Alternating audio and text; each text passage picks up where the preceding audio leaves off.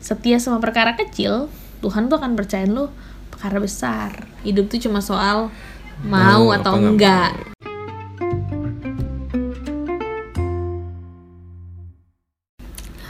Halo guys, ketemu, Ketemu lagi, lagi di podcast Dunder. episode 300 nggak ada yang bohong. Episode ketiga. Mati mami udah mau yang mati YouTube-nya Benjamin ya guys. Bentar, kita urusin Benjamin dulu. Coba. Nah, udah nih selesai urusin Benjamin. Jadi malam ini kita mau bahas apa, Pak Yonder? Kita mau bahas bagaimana kita di dunia pekerjaan. Cielah, kayak paling Kaku. expert aja Kaku gitu. Iya lu tuh. Nah sekarang dibahas eh, siapa dulu nih? Nih, dari kamu dulu. Dari aku. Nah, Jadi kan kamu ini udah 14 tahun kan kerja. Hmm, Nah, itu ceritanya tuh gimana tuh bisa 14 tahun kerja nih? oke. Jadi awalnya banget kerja kan sebenarnya nggak di nggak di planning kan. Tahun 2006 waktu lulus eh, sekolah, lulus SMA, ya banyak cerita di baliknya. Intinya gue nggak bisa kerja lah, eh nggak bisa kuliah gitu. Jadi kira gue harus nggak harus sih sebenarnya, tapi gue milih untuk kerja dibanding nggak ngapa-ngapain. Terus eh, gue inget banget tuh waktu itu gue sedih banget karena Yonder kuliah terus gue nggak ngapa-ngapain. Terus gue bilang si Yonder bilang gini tapi kok feeling aku kayaknya kamu akan lebih sibuk, itu kata-katanya Yonder tuh menurut aku kamu akan lebih sibuk dari aku gitu. Nah terus gue iseng-iseng cari kerja itu di Starbucks sih karena kan saat itu Starbucks lagi happening, Happening banget banget, gitu. Ternyata dilemparnya untuk Krispy Kreme karena saat itu Krispy Kreme baru buka. Jadi 2006 tuh Krispy Kreme baru awal buka. Terus pokoknya ya interview gitu-gitu nggak nyampe seminggu kerja lah pokoknya dari iseng Hmm. naruh lamaran terus kerja di Krispy Kreme itu kerja juga jadi dari ka- jadi kasir. kasir. nah cuman gue gue tuh sebenarnya sebelum ini nggak pernah denger Krispy Kreme kecuali kayak beberapa hari sebelum gue kerja di Krispy Kreme Yonder bilang eh ada don toko donat eh ada donat baru enak buka banget, enak iya. banget dia bilang lebih enak dari Jeko nyebut merek deh gue tapi gue belum pernah makan tuh Yonder cuma Hmm. bilang "Eh, kotaknya warna putih bentol-bentol titik dia bilang hijau. bentol ijo ih gue nggak tahu apaan tuh gitu terus pas gue masuk oh ini yang Yonder maksud gitu. Terus akhirnya hari pertama gue cobain aja. Hari eh, pertama kali gue makan Krispy Kreme tuh gue langsung makan 7 donat in a row. 7 7 loh ya. Original karena kayak, glaze itu. iya original glaze karena dan habis itu gue langsung kayak jatuh cinta banget sama nih produk gitu. Jadi kayaknya wah satu wah gue kayak happy banget kerja di tempat itu. Awalnya tuh cuma kasir makan donat cetek banget pikiran Hmm. gue nggak ada kayak mau jadi apa gimana gitu dari situ gitu. Cuman eh pokoknya lambat laun ya ada di di Krispy Kreme dan dengan segala prosesnya tuh aku ikutin. Jadi kebetulan tuh di Krispy Kreme tuh aku tuh bener-bener setiap jenjang karir yang ada di Krispy Kreme tuh nggak ada yang gue lewat nggak ada yang enggak gue lewatin. Semua.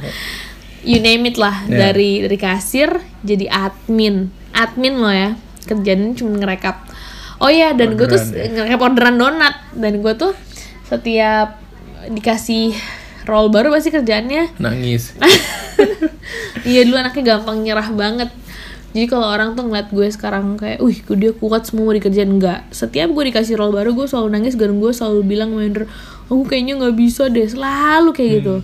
Sampai akhirnya gue menamai diri gue sendiri admin handal. Karena gue tuh kerjaan admin cepet banget. Menurut gue, gue lebih cepet dari segala macam admin yang ada di muka crispy, di muka bumi Krispy Kreme saat itu. Emang gue belagu banget sih. Belagu tuh nomor satu soalnya emang gaya tuh nomor satu ya dari admin jadi key staff key staff tuh kalau di level pada umumnya supervisor gitu ya Iya.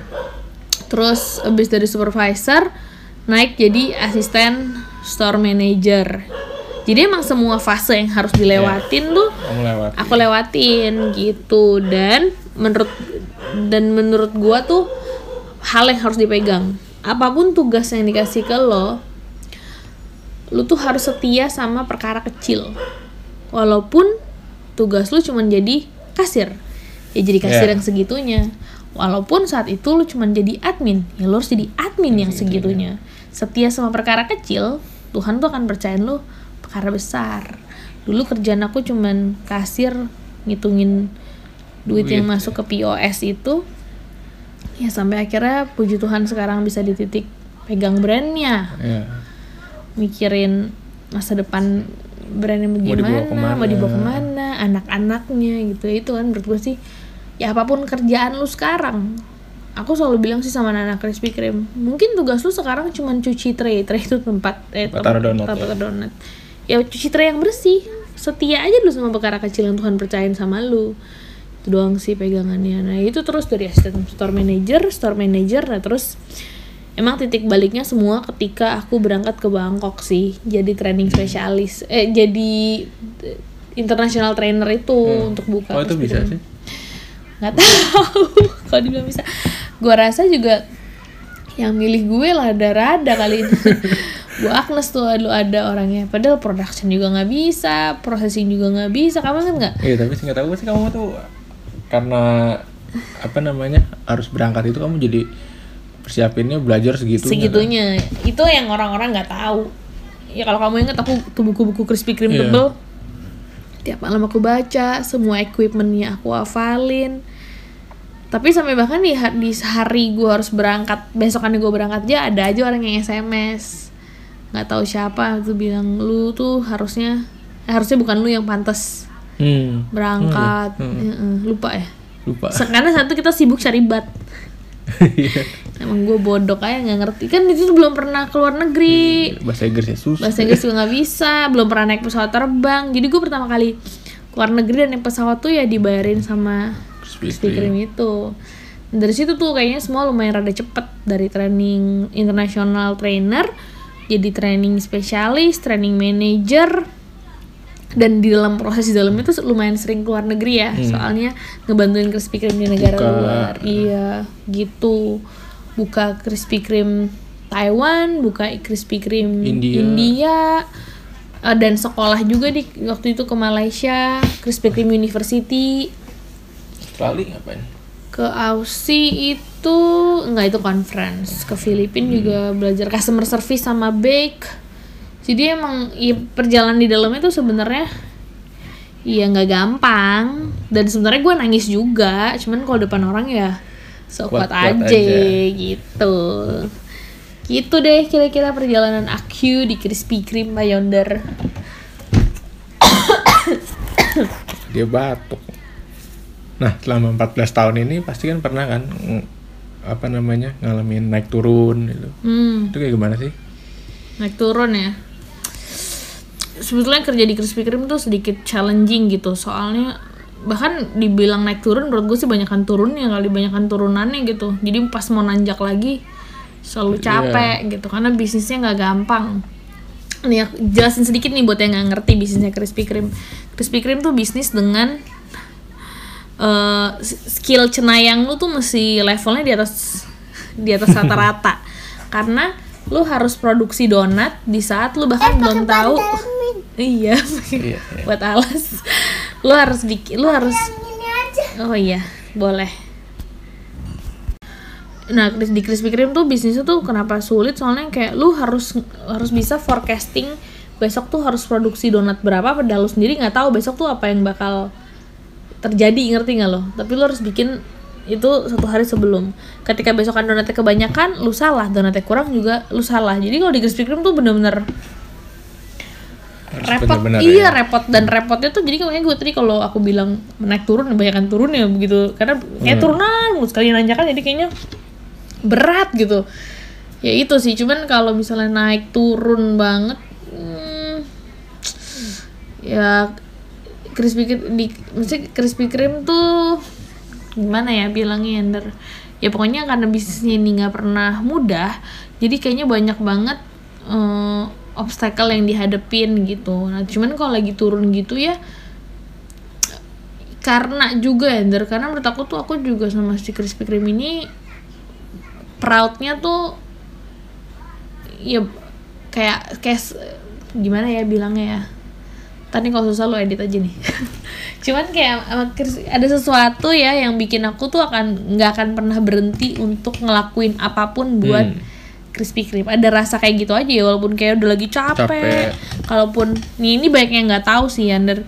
Kalau aku tuh eh, bangun jam satu pagi jam 2 pagi jam 3 pagi ya yonder lah yang yang tahu kan pasti untuk ngecekin produksi untuk ngecekin truk udah jalan Jalan atau belum. belum nanti jam 7 pagi gue udah bangun lagi mastiin kalau semua sampai. truknya udah sampai tuh sampai yonder aja tahu tuh bahkan ketika gue nggak pengen telepon gue cuma liat CCTV terus ntar gue heboh sendiri karena pasti ada ada anak lagi ngapain Iya. pasti ada aja gitu ya kan sebenarnya bos gue juga nggak lihat itu dia kan nggak lihat apa yang gue lakuin di rumah ya atau misalnya bos lu juga nggak tahu. Ya misalnya lu kerjaan tuh buat siapa sih? Ya nggak buat siapa-siapa. Ya emang karena ya tadi menurut gue kerja tuh apa pun yang lo kerjain ya lo emang harus segitunya.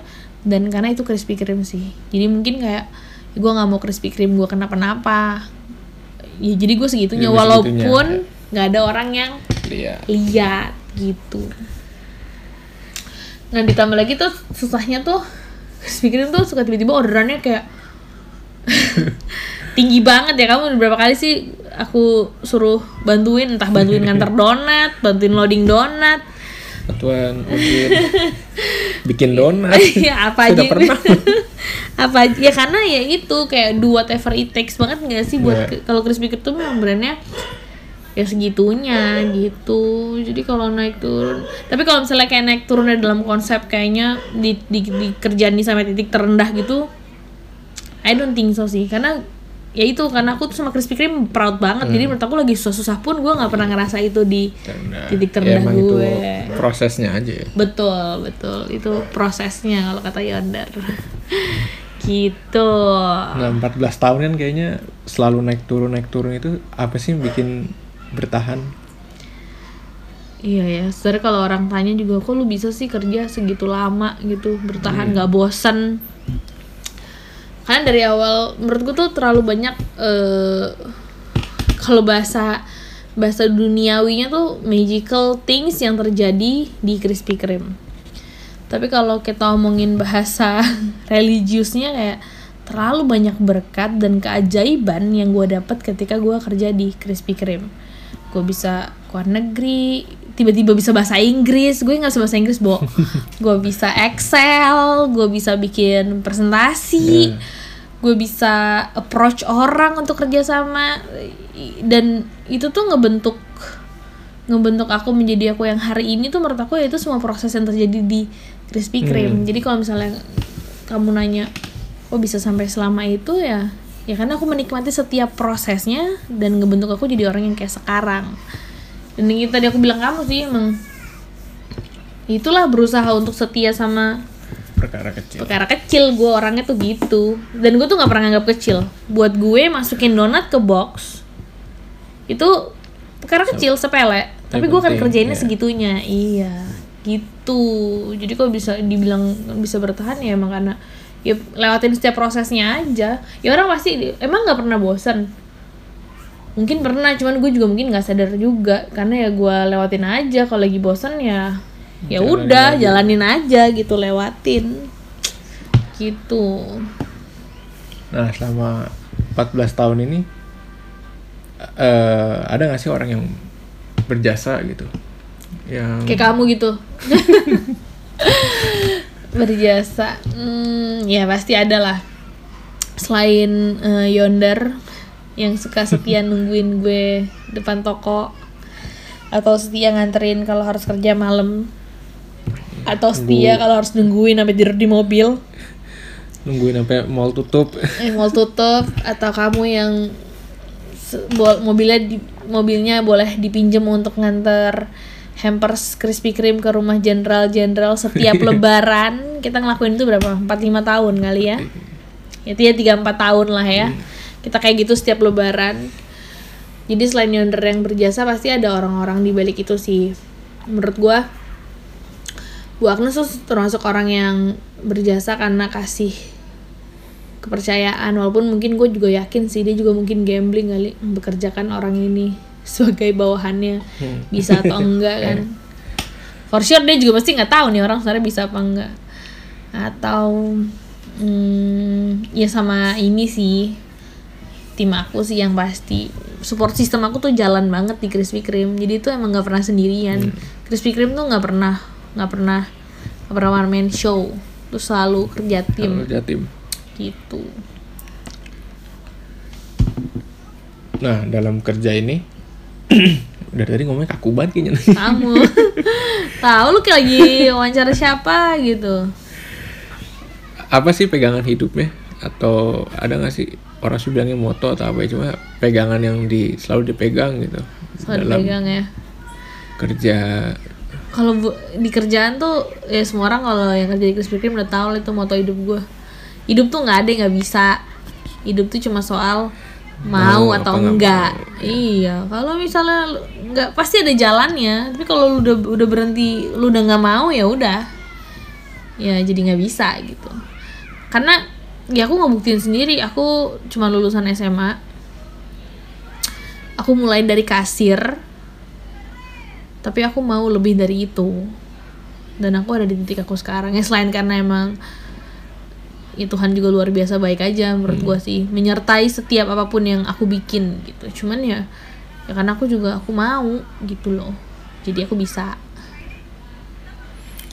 Nah, kamu sering ini gak sih? Apa namanya eh terganggu gak sih kalau oh cuma lulusan SMA gitu? oh ya, awalnya terganggu.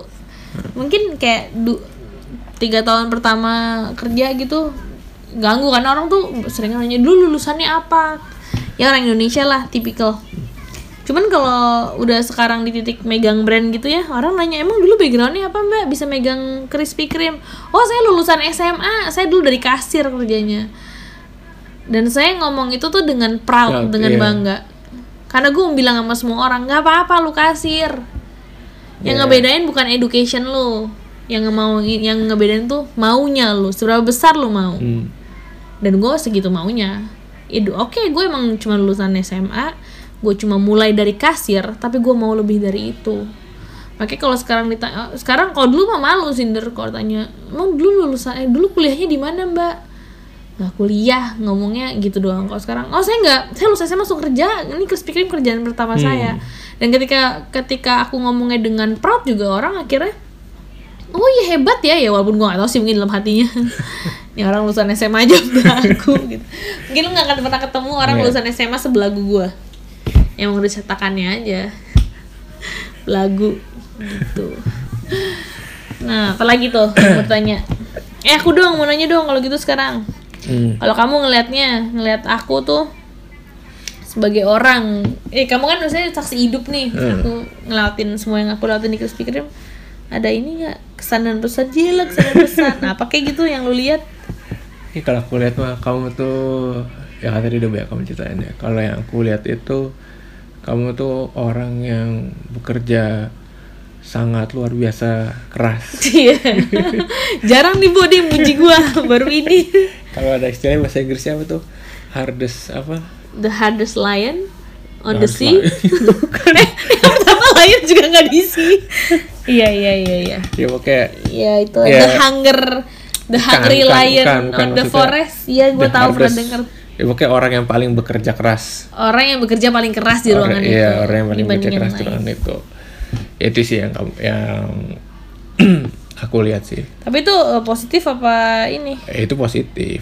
Ya orang kan orang udah bilang orang kerja keras, ada orang kerja eh smart ya sebenarnya kan ya sama aja lah. Cuma ya aku lihat kamu tuh orang yang paling bekerja kerjanya tuh segitunya. Iya. Ya itu yang tadi kamu bilang. Apa namanya? Ya hal kecil apa pun kamu siapin segitunya. Kamu mau pertama kali presentasi ke orang-orang juga kamu belajar sama aku, ya kan? Ini apa namanya sih? Belajar presentasi dulu. Ya kamu selalu selalu prepare. Kamu tuh orang yang prepare segitunya sih. Yang orang lain nggak lihat. Yang orang lain gak lihat dan itu ya emang yang nggak nggak sia-sia sih menurut aku kan Iya. dan kamu kan selalu moto kamu tuh eh apa namanya dari kerja keras kamu itu ya kalau orang mintanya 100 kita ngasih 120 Wah itu gue banget tuh. Kalau gue bisa berdarah-darah buat kasih 150 mojot juga mojot tapi ya aku ya ya begitu gitu. Iya sih. Itu pegangan aja sih. Tapi agak ambisius juga Inter ya. In a, in a positive way ya sih? iya ya tapi emang kamu ya ya apa ya aku juga kadang-kadang ngelihat kamu kerja keras gitu itu emang ambisinya apa sih kan ya? ambisinya maksudnya yang di depan mata kamu yang kamu kejar tuh apa sih sampai segitunya gitu. Yang aku kejar.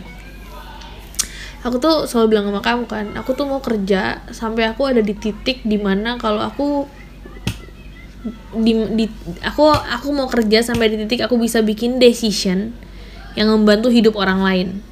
Tapi ketika aku mau nolong tapi aku kepentok ah nggak di sama sini tuh ah nggak Ah. bisa gitu. Aku tuh maunya kerja sampai aku di titik oh nih anak kerjanya bagus gue mau naikin gaji dia gue bisa naikin gaji dia right away. Oh nih anak bagus gue mau promosiin dia. Karena aku tuh mau jadi orang yang memberikan kesempatan sama seperti dulu aku mendapatkan kesempatan di Krispy Kreme. Hmm. ya segitunya. Gue harus segitunya. Kalau gue biasa aja gue nggak akan bisa sampai di titik itu. Ya. gitu. Gitu sih. Tapi emang ambisius banget sih.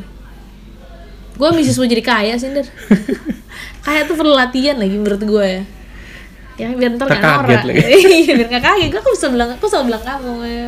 gue ambisius buat kaya nah tapi ini biar yang lain tahu nih. Coba kamu jawab deh. Kamu tahu kan aku mau kaya biar aku apa? Yang bisa bantu orang. Segitunya. Bantu orang pun gue mau segitunya. Gue nggak mau cuman sekedar gue punya gaji untuk bisa bantu orang. Gue nggak mau. Gue tuh mau gue mau sukses segitunya. Gue mau kaya segitunya biar gue bisa bantu orang segitunya.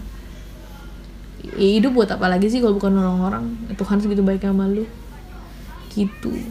Gitu dar. Jadi kira-kira ini mau disamarin nggak?